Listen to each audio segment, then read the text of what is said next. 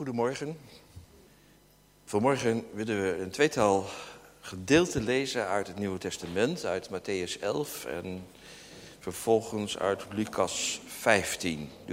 Matthäus 11 en Lucas 15. Nu weet ik niet uit welke Bijbel u in deze gemeente leest, uit de NBV of uit de NBG. Misschien uit beiden, dus ik denk van laat ik ook dan maar beiden uh, voorlezen.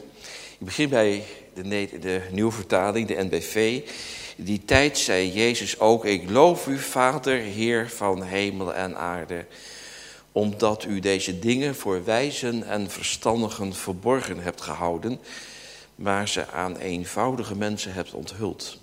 Ja, Vader, zo hebt u het gewild. Alles is mij toevertrouwd door mijn Vader. En niemand dan de Vader weet wie de Zoon is en wie de vader is, dat weet alleen de zoon en iedereen aan wie de zoon het wil openbaren. Kom naar mij, jullie die vermoeid zijn en onder lasten gebukt gaan, dan zal ik jullie rust geven. Neem mijn juk op u en leer van mij, want ik ben zachtmoedig en nederig van hart. Dan zul je werkelijk rust vinden, want mijn juk is zacht en mijn last is licht. Ik lees het ook nog even uit de NBG-vertaling. En dan ziet u dat een, uh, een tweetal woorden ik onderstreept heb, omdat dat eigenlijk in de NBG wat verloren is gegaan. De NBG staat wat dichter bij de grondtekst. En ik vind eigenlijk wel erg belangrijk dat we deze woorden niet vergeten. Er staat, Jezus zegt dan, te dien dagen hief Jezus aan en zeide, ik dank u Vader, Heer des hemels, dat gij deze dingen voor wijs en verstandigen hebt verborgen. En dan staat daar doch aan kinderkunst geopenbaard. En ik zal straks daar iets over uitleggen. Eh, wat, uh, ja, dat kinderen, kleine kinderen, hebben nog heel iets bijzonders. Wat wij als grote mensen soms wat verleerd zijn. Ja, vader, want zo is het een welbehagen geweest voor u alle dingen zijn weer overgegeven door de Vader en niemand kent de Zoon dan de Vader. En niemand kent de Vader dan de Zoon en wie de Zoon het wil openbaren. Kom tot mij, alle die vermoeid en belast zijn, en ik zal u rust geven. Neem een juk op u en leert van mij, want ik ben zachtmoedig en nederig van hart. En gij zult rust vinden voor u. En er staat in het Grieks psyche. En ik denk dat we allemaal ook nog wel weten wat het woord psyche betekent. Want mensen lopen naar een psychiater en naar een psycholoog. En ik denk dat het woord ziel ook nog echt wel een woord is van deze tijd. Dat we allemaal begrijpen dat God eigenlijk Jezus zegt van... je zult rust vinden voor de innerlijke mens, voor je ziel. Want mijn juk is zacht en mijn last is licht. De tweede lezing is uit Lucas 15. Lucas 15, de terugkeer van de verloren zoon. En dan begin ik, u kent, u kent die geschiedenis allemaal. En dan begin ik te lezen bij vers 15. Er staat, hij vroeg om werk bij een van de inwoners. Want het was bergafwaarts gegaan en er was honger, hongersnood gekomen. Hij vroeg werk bij een van de inwoners van het land die hem op het veld zijn varkens liet hoeden. En hij had graag zijn maag willen vullen met de peulen die varkens te eten kregen, maar niemand gaf ze hem. Toen kwam hij tot zichzelf en dacht, de dagloners van mijn vader hebben eten in overvloed en ik kom om van de honger. Ik zal naar mijn vader gaan en tegen hem zeggen, vader, ik heb gezondigd tegen de hemel en tegen u. Ik ben niet meer waard uw zoon genoemd te worden. Behandel mij als een van uw dagloners. Hij vertrok meteen en ging op naar weg naar zijn vader. Zijn vader zag hem in de verte aankomen. Hij kreeg medelijden en rende op zijn zoon af en viel hem om de, om de hals. In de NBG-vertaling staat, de vader werd met innerlijke ontferming bewogen. Dat is nog iets meer dan alleen maar medelijden krijgen dat je met innerlijke vorming bewogen wordt. Hij rende op zijn zoon af en viel hem om de hals en kuste hem. Vader, zei de zoon tegen hem, ik heb gezondigd tegen de hemel en tegen u. Ik ben niet meer waard uw zoon genoemd te worden. Maar de vader zei tegen zijn knechten, hou vlug het mooiste gewaad, trek het hem aan, doe hem een ring aan zijn vinger, geef hem sandalen, breng het gemiste kalf en slacht het, laten wij feest vieren, want deze zoon van mij was dood en is weer tot leven gekomen. Hij was verloren en is teruggevonden. En zij begonnen feest vieren. Tot zover de lezing. De tekst van de prediking is uh, deze cryptische omschrijving. Het hart heeft verstand van zaken waarvan het verstand nauwelijks kennis van heeft. Is een doordenkertje, maar strakjes in, tijdens de prediking gaat het u duidelijk worden. Ik lees het nog één keer voor. Het hart heeft verstand van zaken waar het verstand nauwelijks kennis van heeft. Oké. Zullen we een zegen vragen over het woord?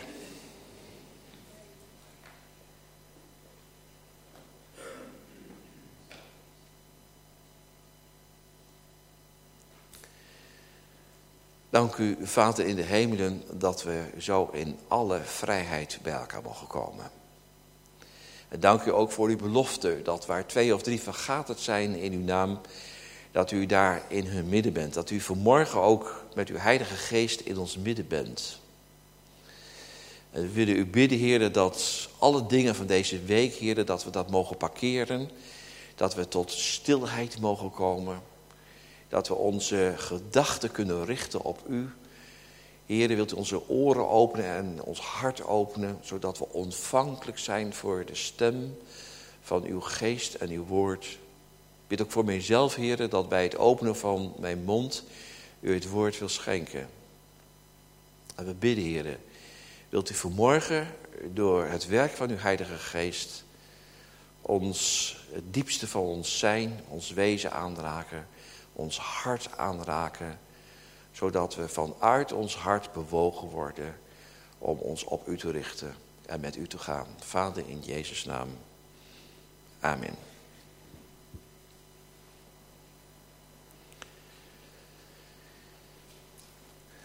Ik eh, ben van Griffemeerde Huizen. Dat wist u misschien wel. Ik heb ook daar mijn opleiding genoten. Hogeschool, Griffemeerde Hogeschool in Kampen. Maar ik kan me herinneren dat uh, toen ik nog jong was, dat we in een tijd leefden van een enorme verzuiding en dat het heel veel ging over dogmatiek, over de leer. En dan kon het gebeuren dat je op een verjaardagsvisite zat, van vader of moeder of een van de kinderen wat ook, en dat er gediscussieerd wordt, werd over het geloof. En soms gebeurde het dat er verhitte discussies ontstonden. Ik zei wel eens wat ook, een, een discussie met een uh, verhit hoofd en een koud hart. Ik ontmoette ook later mensen uh, uh, die ja, heel erg dogmatisch waren. Van een andere club die ook zich gereformeerd noemde, wat ook. En ik ik, ik, en ik moet zeggen, gelukkig dat in die kringen uh, de laatste tijd heel veel beweging is van Gods geest. Prijs de Heer daarvoor. Maar in die tijd waar ik nu over sprak, ging het meer over de leer dan over de Heer. En niets is de mens vreemd, want ook in de tijd van Jezus gebeurde dat. In de tijd van Jezus was men zo met de Torah bezig, met, met de wet bezig. En met alle inzettingen en de ordeningen en de geboden die men daarbij bedacht was. Dat men eigenlijk in een, in een strak keurslijf eh, terecht was gekomen. En eigenlijk waar het om ging, uit het oog verloor. Ik moet ook aan denken aan de situatie uh, uit uh, Marcus 3. Daar lezen we, waar hij zeide tot de mens, was een mens, een schommelde hand in de synagoge kom in het midden staan. En hij vroeg aan de mensen om zich heen van, is het geoorloofd op de Sabbat goed te doen of kwaad te doen? Leven te redden of te doden? Maar al die vrome mensen daar in de synagoge hielden hun mond.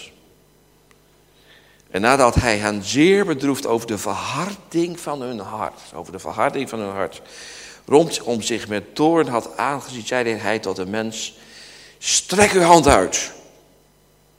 En hij strekte zijn hand uit en zijn hand werd weer gezond. En de fariseeën gingen heen en pleegden terstond met de Herodianen overleg tegen hem ten einde om hem om te brengen. U ziet ook daar dat het meer om de leer ging dan om de Heer ging. En dat er zo'n verharding was. Jezus zegt in een ander gedeelte, in Matthäus 9, vers 13. Hij zegt, gaat heen en leert wat het betekent. Barmhartigheid wilde ik en geen offerhanden. Barmhartigheid wilde ik en geen offerhanden. Hij zegt tegen de mensen van, ga daar nou eens over nadenken. Ga daar nou eens over preken. Ga daar nou eens mee bezig. Dat God in het woord zegt, ik, wil, ik ben niet geïnteresseerd in offeranden. Maar ik ben geïnteresseerd in liefde, in erbarming.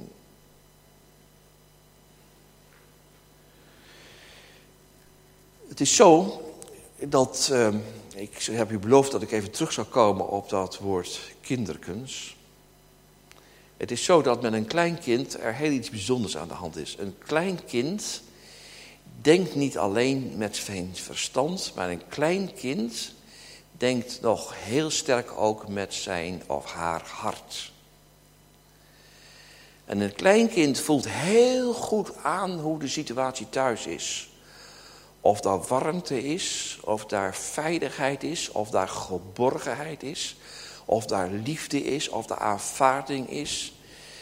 Of daar, uh, ja, ik zou zeggen, uh, een veilige omgeving is waar je weet van vader en moeder beschermen mij en zorgt voor, zorgen voor mij. Een kind voelt dat haarfijn aan. Een kind voelt ook haarfijn aan als hij iets stouts doet. Want dan getuigt zijn of haar hartje heel goed van... wat ik gedaan heb klopt niet. Ik kan niet door de beugel. En een kind komt dan uh, met een schuldig gezicht bij vader en moeder zeggen... wat heb jij, en vader en moeder weten, weten dat al precies... wat heb jij gedaan? En ja, dan komt de aap uit de mouw.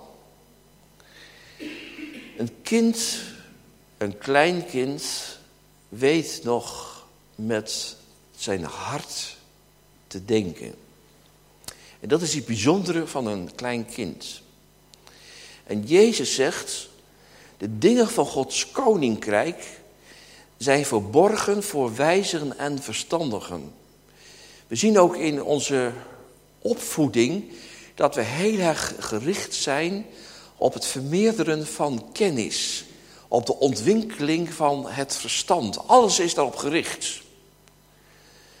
Maar de ontwikkeling van het hart blijft zwaar achterwege in ons onderwijs. En je moet zich voorstellen dat, uh, dat er heel veel kinderen zijn tegenwoordig die de liefde, de vergeving, het geduld van vader en moeder, de veiligheid, de geborgenheid, de bescherming, de, de liefdevolle vader, eh, vaderlijke en moederlijke zorg, dat ze die missen. Waarom? Omdat vader en moeder tegenwoordig niet meer bij elkaar zijn. Ze zijn gescheiden. En die gezinnen waar vader en moeder nog bij elkaar zijn, mist vaak ook de vrede en de rust en de veiligheid en de geborgenheid. Want vader en moeder hebben onderlinge strijd. Uh, hebben moeite met elkaar en zeggen dat ook. En er vallen harde woorden. En er is onveiligheid. En je moet zien, bij wijze van spreken, ook wat er op dit moment aan de hand is. De duivel is niet alleen erop uit om huwelijken kapot te maken, man en vrouw uit elkaar te drijven.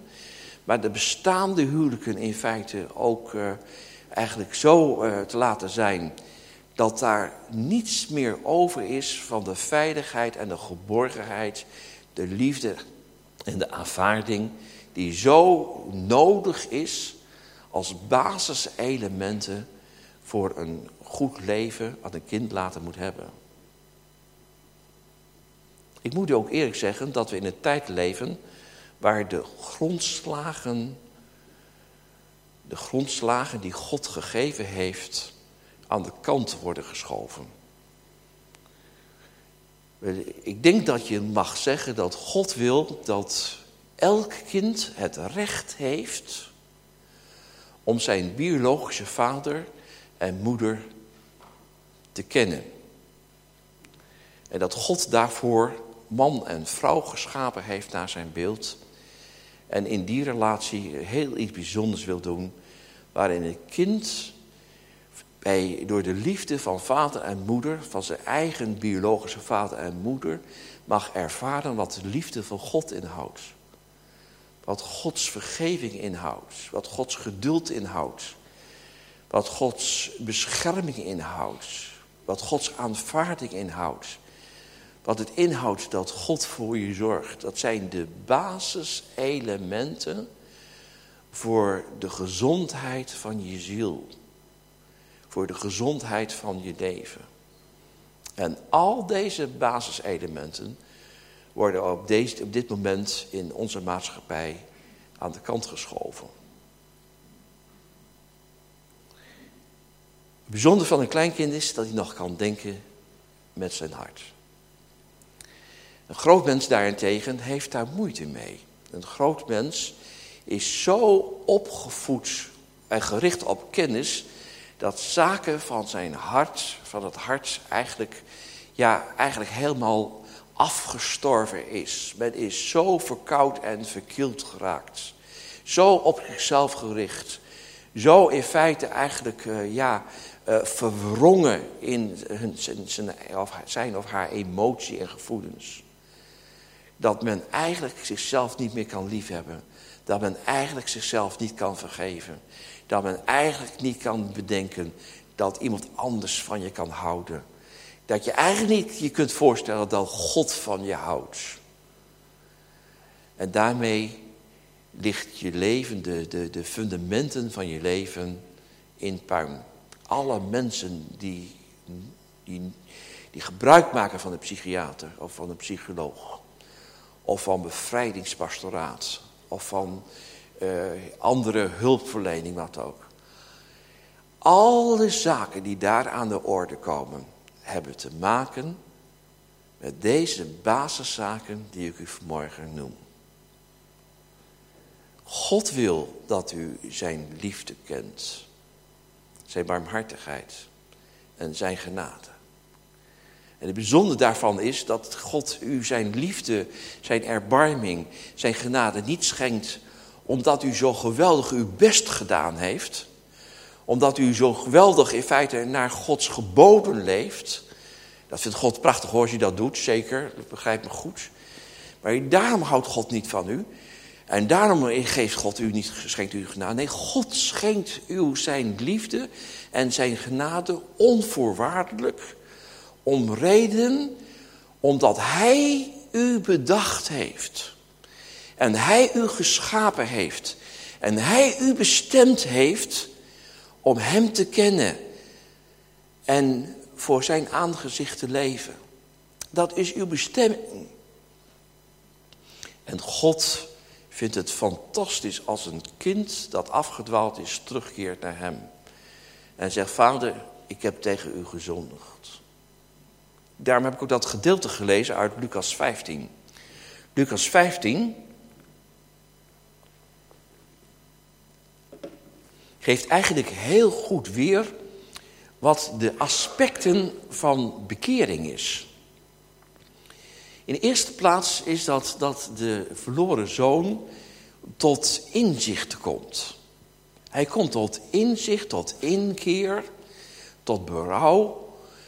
Namelijk over het feit dat hij ziet van... kijk hoe goed mij de dagloners van mijn vader hebt. En kijk naar mijn eigen situatie. En dan moet ik constateren dat ik in een grote ellende leef. Ver van Gods bedoeling vandaan. Ver van eigenlijk eh, de, de vreugde, de vrede, de, de rijkdom die God eigenlijk wil geven. Vroeg of laat gaat Gods geest aan uw hart werken. En gaat u tot inzicht komen dat u ver van Gods plan en Gods bedoeling bent. Dat u niet leeft in de rijkdom en in de veiligheid, in de geborgenheid, in de zegen Een leven in overvloed zoals God bedoeld heeft. Maar dat u leeft in een leven met grote moeite, grote zorg, met veel pijn, met veel verdriet, met veel zorgen, met veel ellende, met veel drama, met veel onderlinge ruzie, met veel ellende met elkaar. Dat is de situatie waar u terecht gekomen bent. Waarom? Omdat u de weg van God verlaten hebt. Omdat u zijn gebruiksaanwijzing bij deze wereld en bij relaties aan uw laars gelat hebt. En uw eigen weg gegaan bent. Uw eigen ideeën bent gevolgd. Uw eigen inzichten bent gevolgd. Met alle gevolgen van dien. En vroeg of laat komt u tot het besef. Hoe ver ben ik, zoals de verloren zoon. Hoe ver ben ik van het leven zoals God dat bedoeld heeft vandaan geraakt. En dat je dan eigenlijk tot besef komt zeggen van... ik eh, zal opstaan en terugkeren naar mijn Vader in de hemelen... naar de Heer Jezus toe. En ik zal zeggen, Vader in de hemelen, ik heb tegen u gezondigd. Ik heb tegen de hemel gezondigd. Ik heb tegen God gezondigd. Wees mij zondaar genadig. Ik moet u eerlijk zeggen dat uh, wat dat er gaat, uh, heb ik nog iets van het oude, van de roots waar ik uit voortkom. Want daar was altijd een, een goede driedeling. Dat was eigenlijk, eigenlijk elke prediking zou moeten bestaan uit ellende, verlossing en dankbaarheid. Weet u het nog? Maar de ellende is wel een belangrijke zaak. Hoe kunt u verlost worden als u uw eigen ellende niet inziet? Hoe kunt u in de dankbaarheid, in de vreugde des Heeren komen... als u niet uw ellende hebt ingezien... en de vreugde van de genade, van de vergeving, van de verlossing in Jezus Christus... hebt mogen smaken en proeven... dan gebeurt er wat met je hart. Ik moet ook uh, eerlijk zeggen dat ik uh, uh, ja, heel lang eigenlijk eh, sommigen kennen mij ook uit die periode. Dat er heel veel mensen tot bekering kwamen en dat ik onderwijs gaf. En dat er heel veel kennis was. En pas later dat ik op een moment kwam dat ik ja, op een conferentie bij, bij Jeugd met een opdracht was. En dat uh, twee zusters om me heen kwamen staan en voor mij gingen bidden. De ene legde hier de hand op, de andere legde daar de hand op.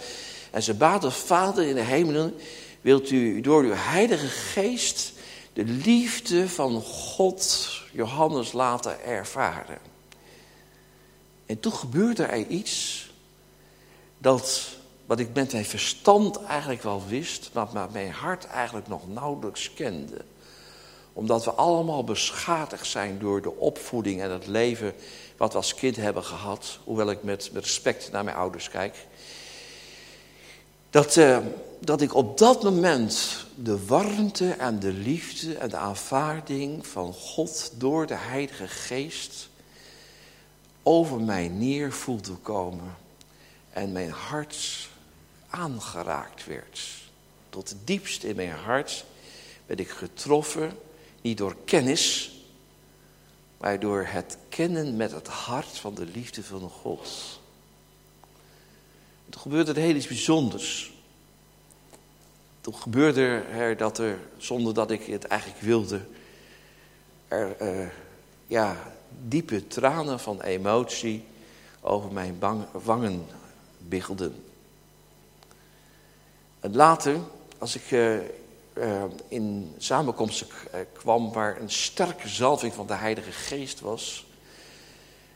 vanmorgen wij het zingen ook van, van, van, van bepaalde aanbiddingslieden, wat ook dan kan het gebeuren dat je hart wordt aangeraakt.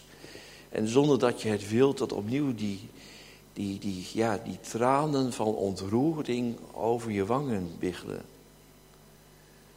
God doet een wonder als iemand tot bekering komt. Weet u wat er gebeurt?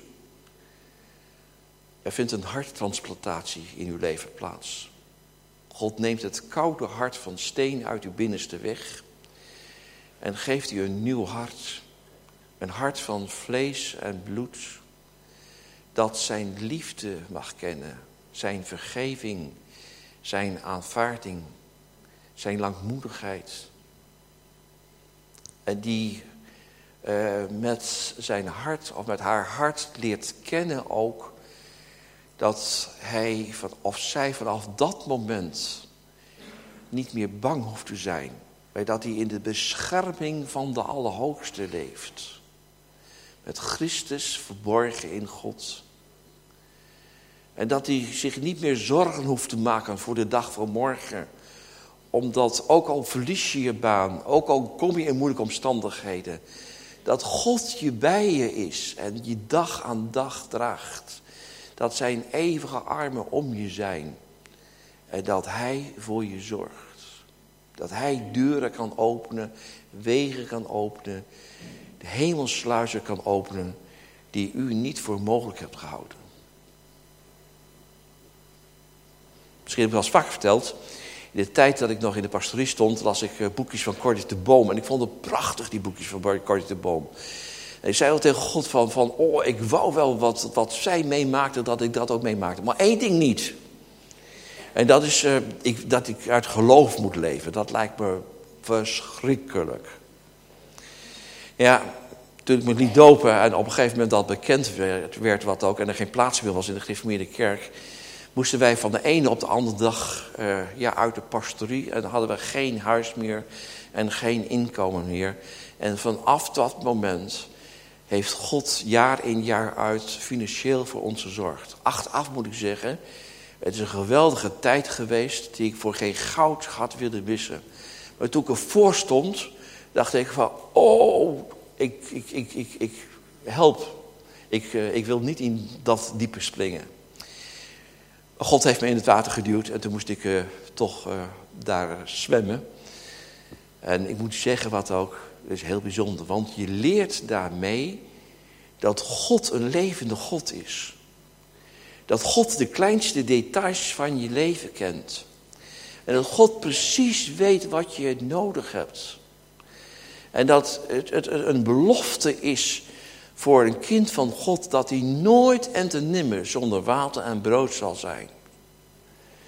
Ik moet uh, ook uh, denken aan een geschiedenis van een, een weeshuis waar op een gegeven moment geen brood meer was.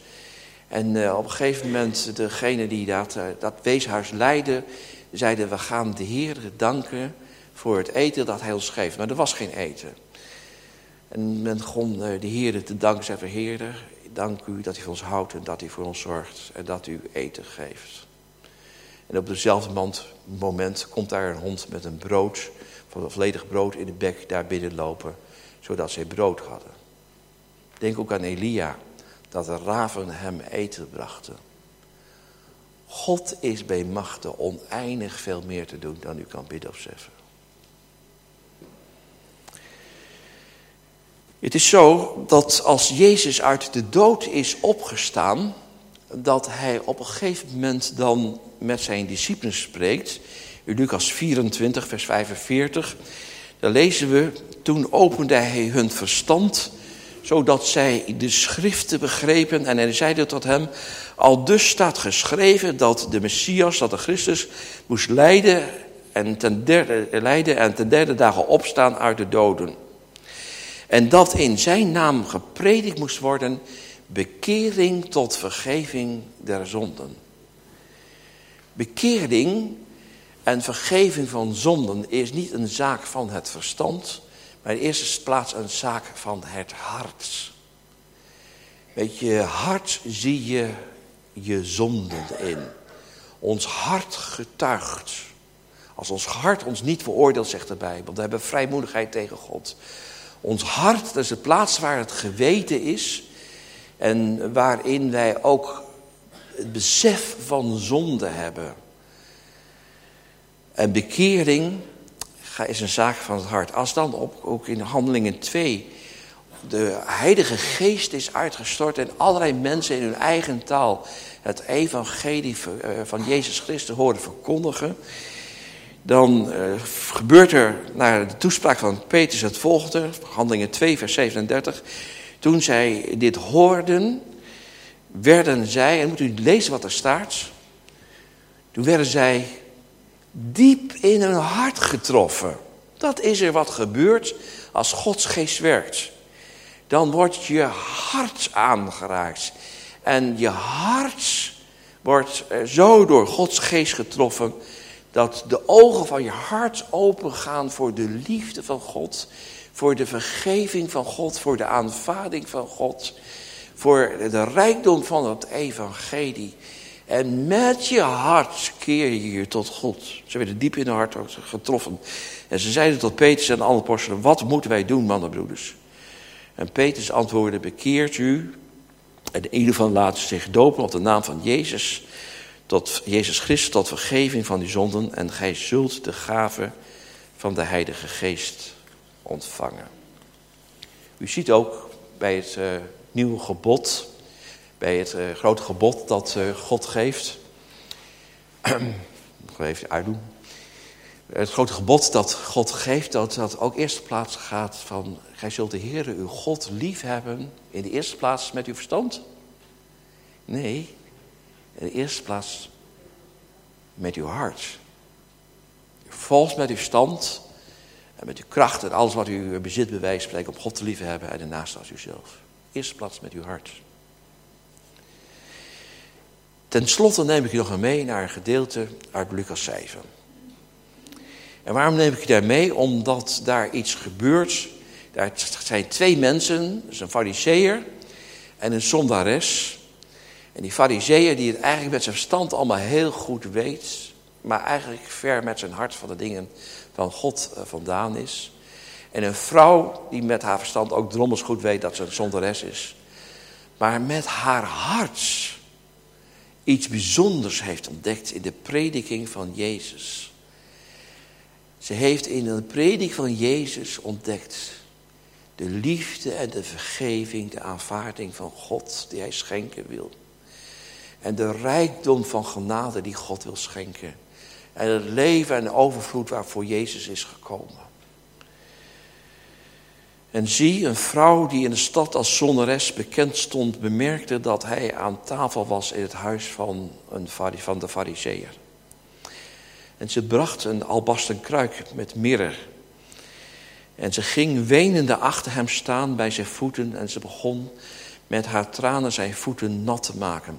En droogde ze af met haar hoofdhaar en kuste zijn voeten en zalfde, zij, zalfde ze met de mirre. En dan ga ik een stukje verder, vers 44. Dan zegt Jezus tegen de fariseeër, ik ben in uw huis gekomen, water voor mijn voeten hebt gij mij niet gegeven. Maar zij heeft, mij, heeft met tranen mijn voeten nat gemaakt en ze met haar haren afgedroogd. Een kus hebt gij mij niet gegeven, maar zij heeft, van dat ik binnengekomen ben, niet opgehouden mijn voeten te kussen. Met olie hebt gij mijn hoofd niet gezalfd, maar zij heeft met mirre mijn voeten gezalfd. Daarom zeg ik u, haar zonden zijn haar vergeven, al waren ze vele. Want zij betoonde veel liefde. Maar wie die weinig vergeven wordt, die betoont ook weinig liefde. Deze vrouw was gegrepen in haar hart. En met haar hart kwam ze tot Jezus. En betoonde met haar hart haar liefde voor haar heiland en Heer.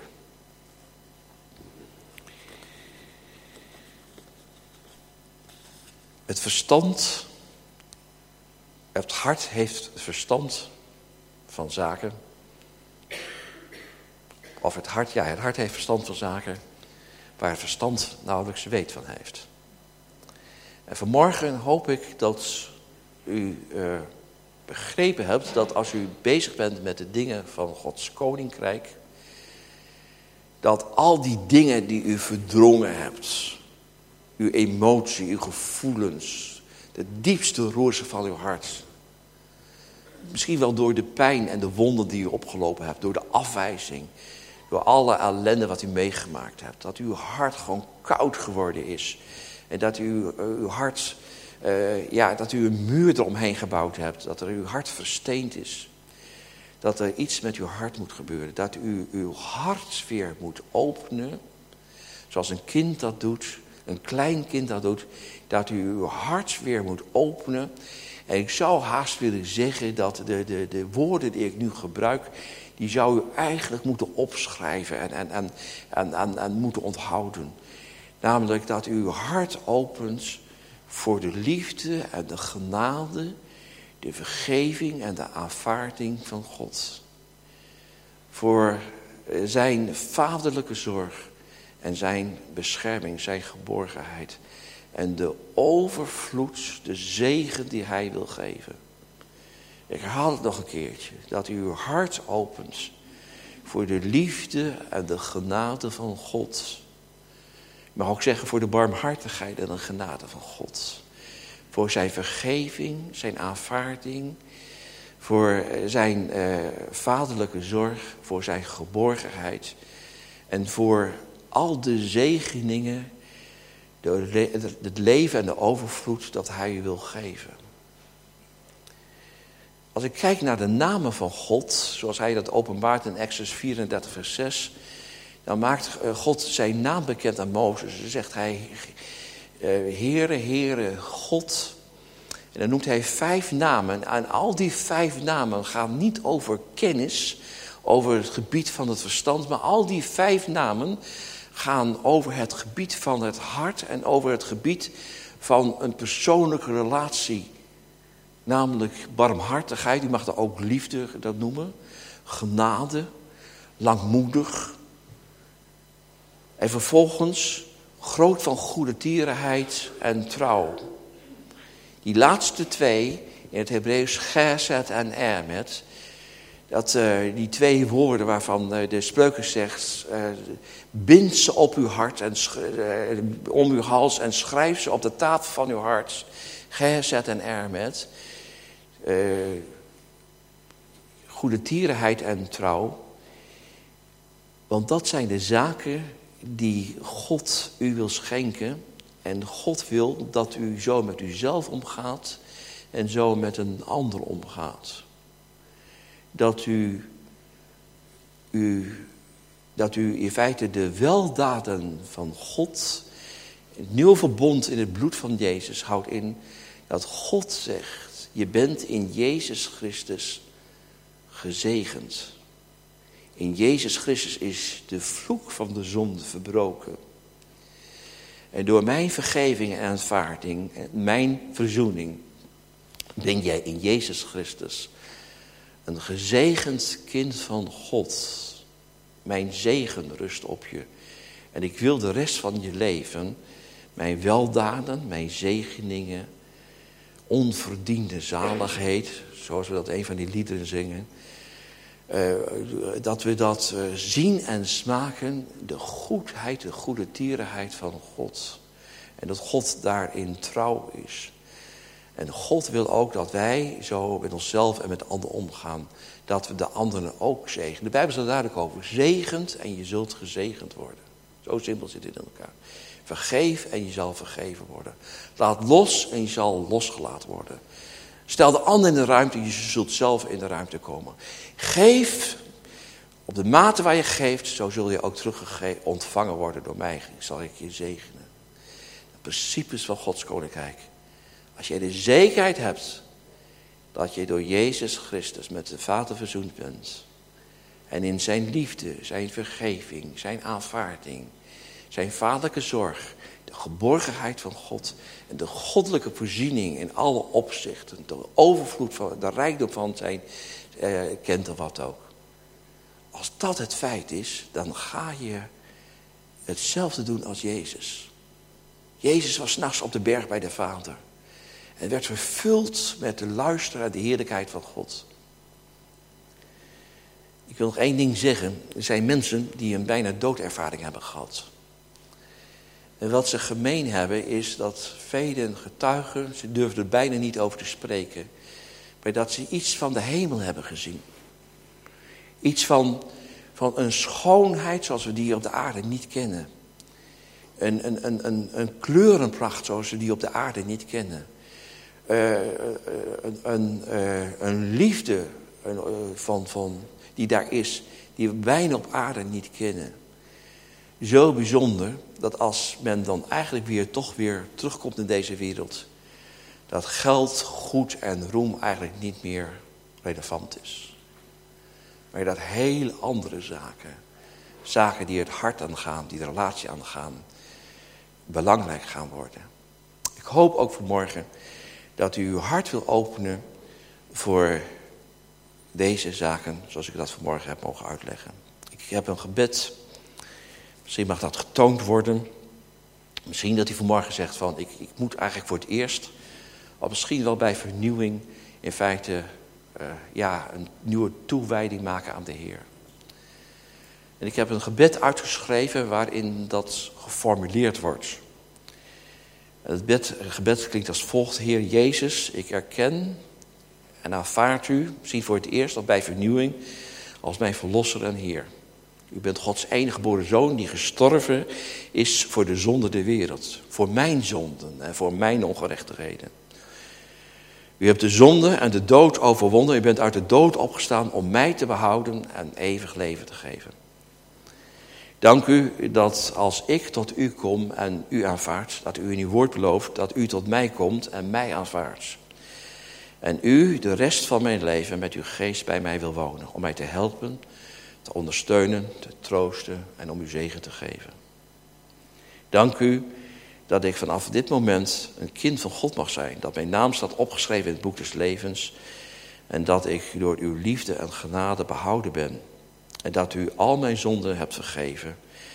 En ik van u eeuwig leven heb ontvangen. Geprezen zij de naam van de Heer Jezus, mijn heiland en Heer.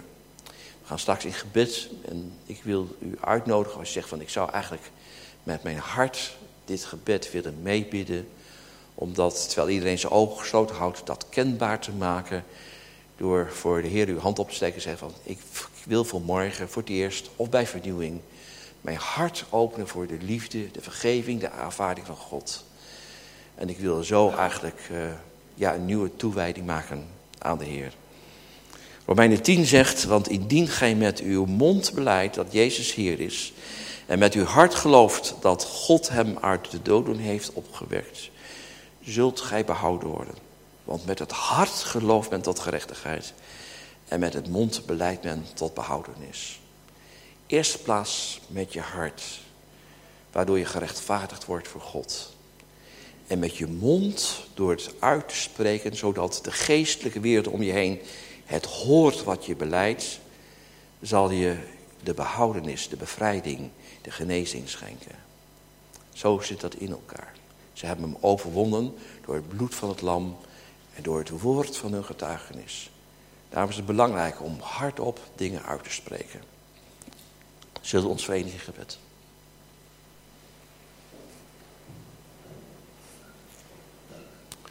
Vader in de hemel, we willen u bijzonder bedanken voor deze morgen. Dat we in alle rust zo uw woord mochten openen.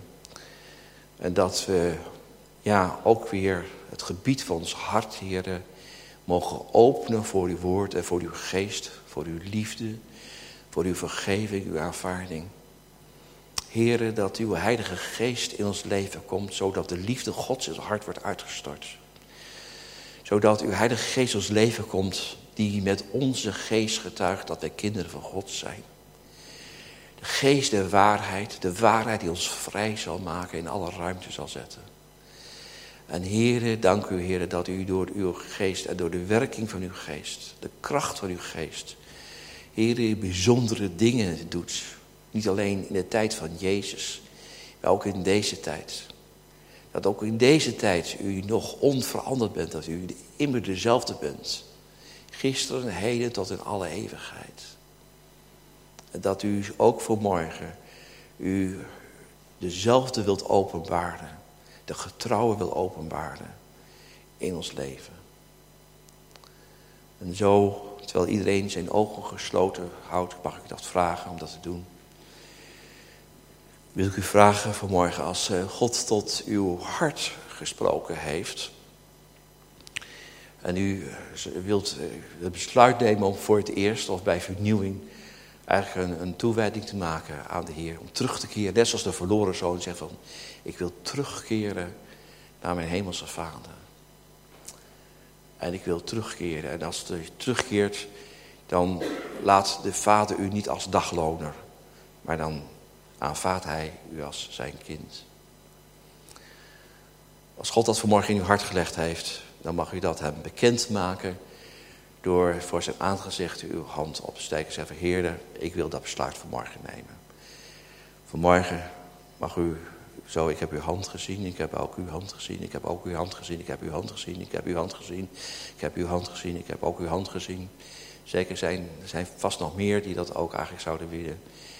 Jezus uh, zegt heel iets bijzonders, zegt van als je voor mij in feite mij beleidt, zal ik je ook beleiden voor de Vader in de hemelen. Maar als je je schaamt voor mij, zal ik me ook voor jou schamen.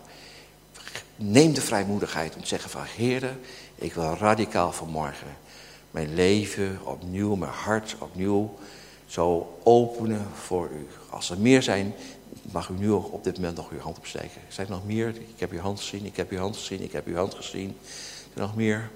Oké. Ik wil je uitnodigen om samen met mij dan zo dat gebed uit te spreken... Uh, wat op de beamer verschijnt. En uh, dat uh, hardop uit te spreken. U mag naar de beamer kijken en dat hardop mee, mee, meebidden. Spreek u maar samen met mij mee. Heere Jezus, ik herken en aanvaard u als mijn verlosser en Heer. U bent Gods enige geboren zoon die gestorven is voor de zonde der wereld. Voor mijn zonde en mijn overtredingen. U hebt de zonde en de dood overwonnen en bent uit de dood opgestaan om mij te behouden en eeuwig leven te geven. Dank u dat als ik tot u kom en u aanvaardt, u tot mij komt en mij aanvaardt. En u de rest van mijn leven met uw geest bij mij wil wonen. Om me te helpen, te ondersteunen, te troosten en om mij uw zegen te geven. Dank u dat ik vanaf dit moment een kind van God mag zijn. Dat mijn naam staat opgeschreven in het boek des levens. En dat ik door uw liefde en genade behouden ben. Dat u al mijn zonden hebt vergeven. En u, ik van u eeuwig leven heb ontvangen. Geprezen zij de naam van de Heer Jezus, mijn heiland en mijn Heer. Ik wil voor u bidden. Hemelse Vader, ik dank u, Heer, dat u geen zondaar laat staan. En dat u ook geen, niemand wat ook, die zijn hart opent en oprecht met zijn hart zich tot u keert. U bent getrouw. En ik dank u dat u ja, alle vanmorgen gezien hebt, heren, die deze keuze gemaakt heeft om voor het eerst of bij vernieuwing deze stap te nemen. Ik bid heel bijzonder dat u door de werking van uw Heilige Geest op dit moment bij vernieuwing in uw leven wil komen. En heel iets bijzonders aan zijn of haar hart wil doen. Dat de liefde die alle verstand te boven gaat en de vrede die alle verstand te boven gaat, die van de hemel is, van God is, dat die door de Heilige Geest in ons hart neerdaalt. Zodat we geraakt worden door uw liefde. Zodat we geraakt worden door uw vergeving en aanvaarding, uw verzoening. Zodat we geraakt worden door de rijkdom van uw genade. Zodat we geraakt worden doordat u tegen ons zegt, mijn kind, mijn geliefde. Ik heb jou bedacht, ik heb jou geschapen. En ik heb jou bestemd om mijn kind te zijn, om voor mijn aangezicht te leven. En om de luister, de heerlijkheid van de hemel, van mijn koninkrijk in je leven te zien. De vloek in Jezus Christus is verbroken die over de zonde lag. Vloek over de zonde is verbroken. En in Jezus Christus mag u weten dat de banden van de dood en de banden van de zonde, ook de machten en krachten van het voorgeslacht dat aan u trekt en u probeert neer te halen, ze zijn verbroken in Jezus' naam. En in Jezus' naam ontvang de verlossing, de bevrijding, de genezing en de zegen, het leven en de overvloed die Jezus Christus tot stand heeft gebracht. En door zijn geest jou wil schenken. Ontvang het in Jezus' naam. Amen.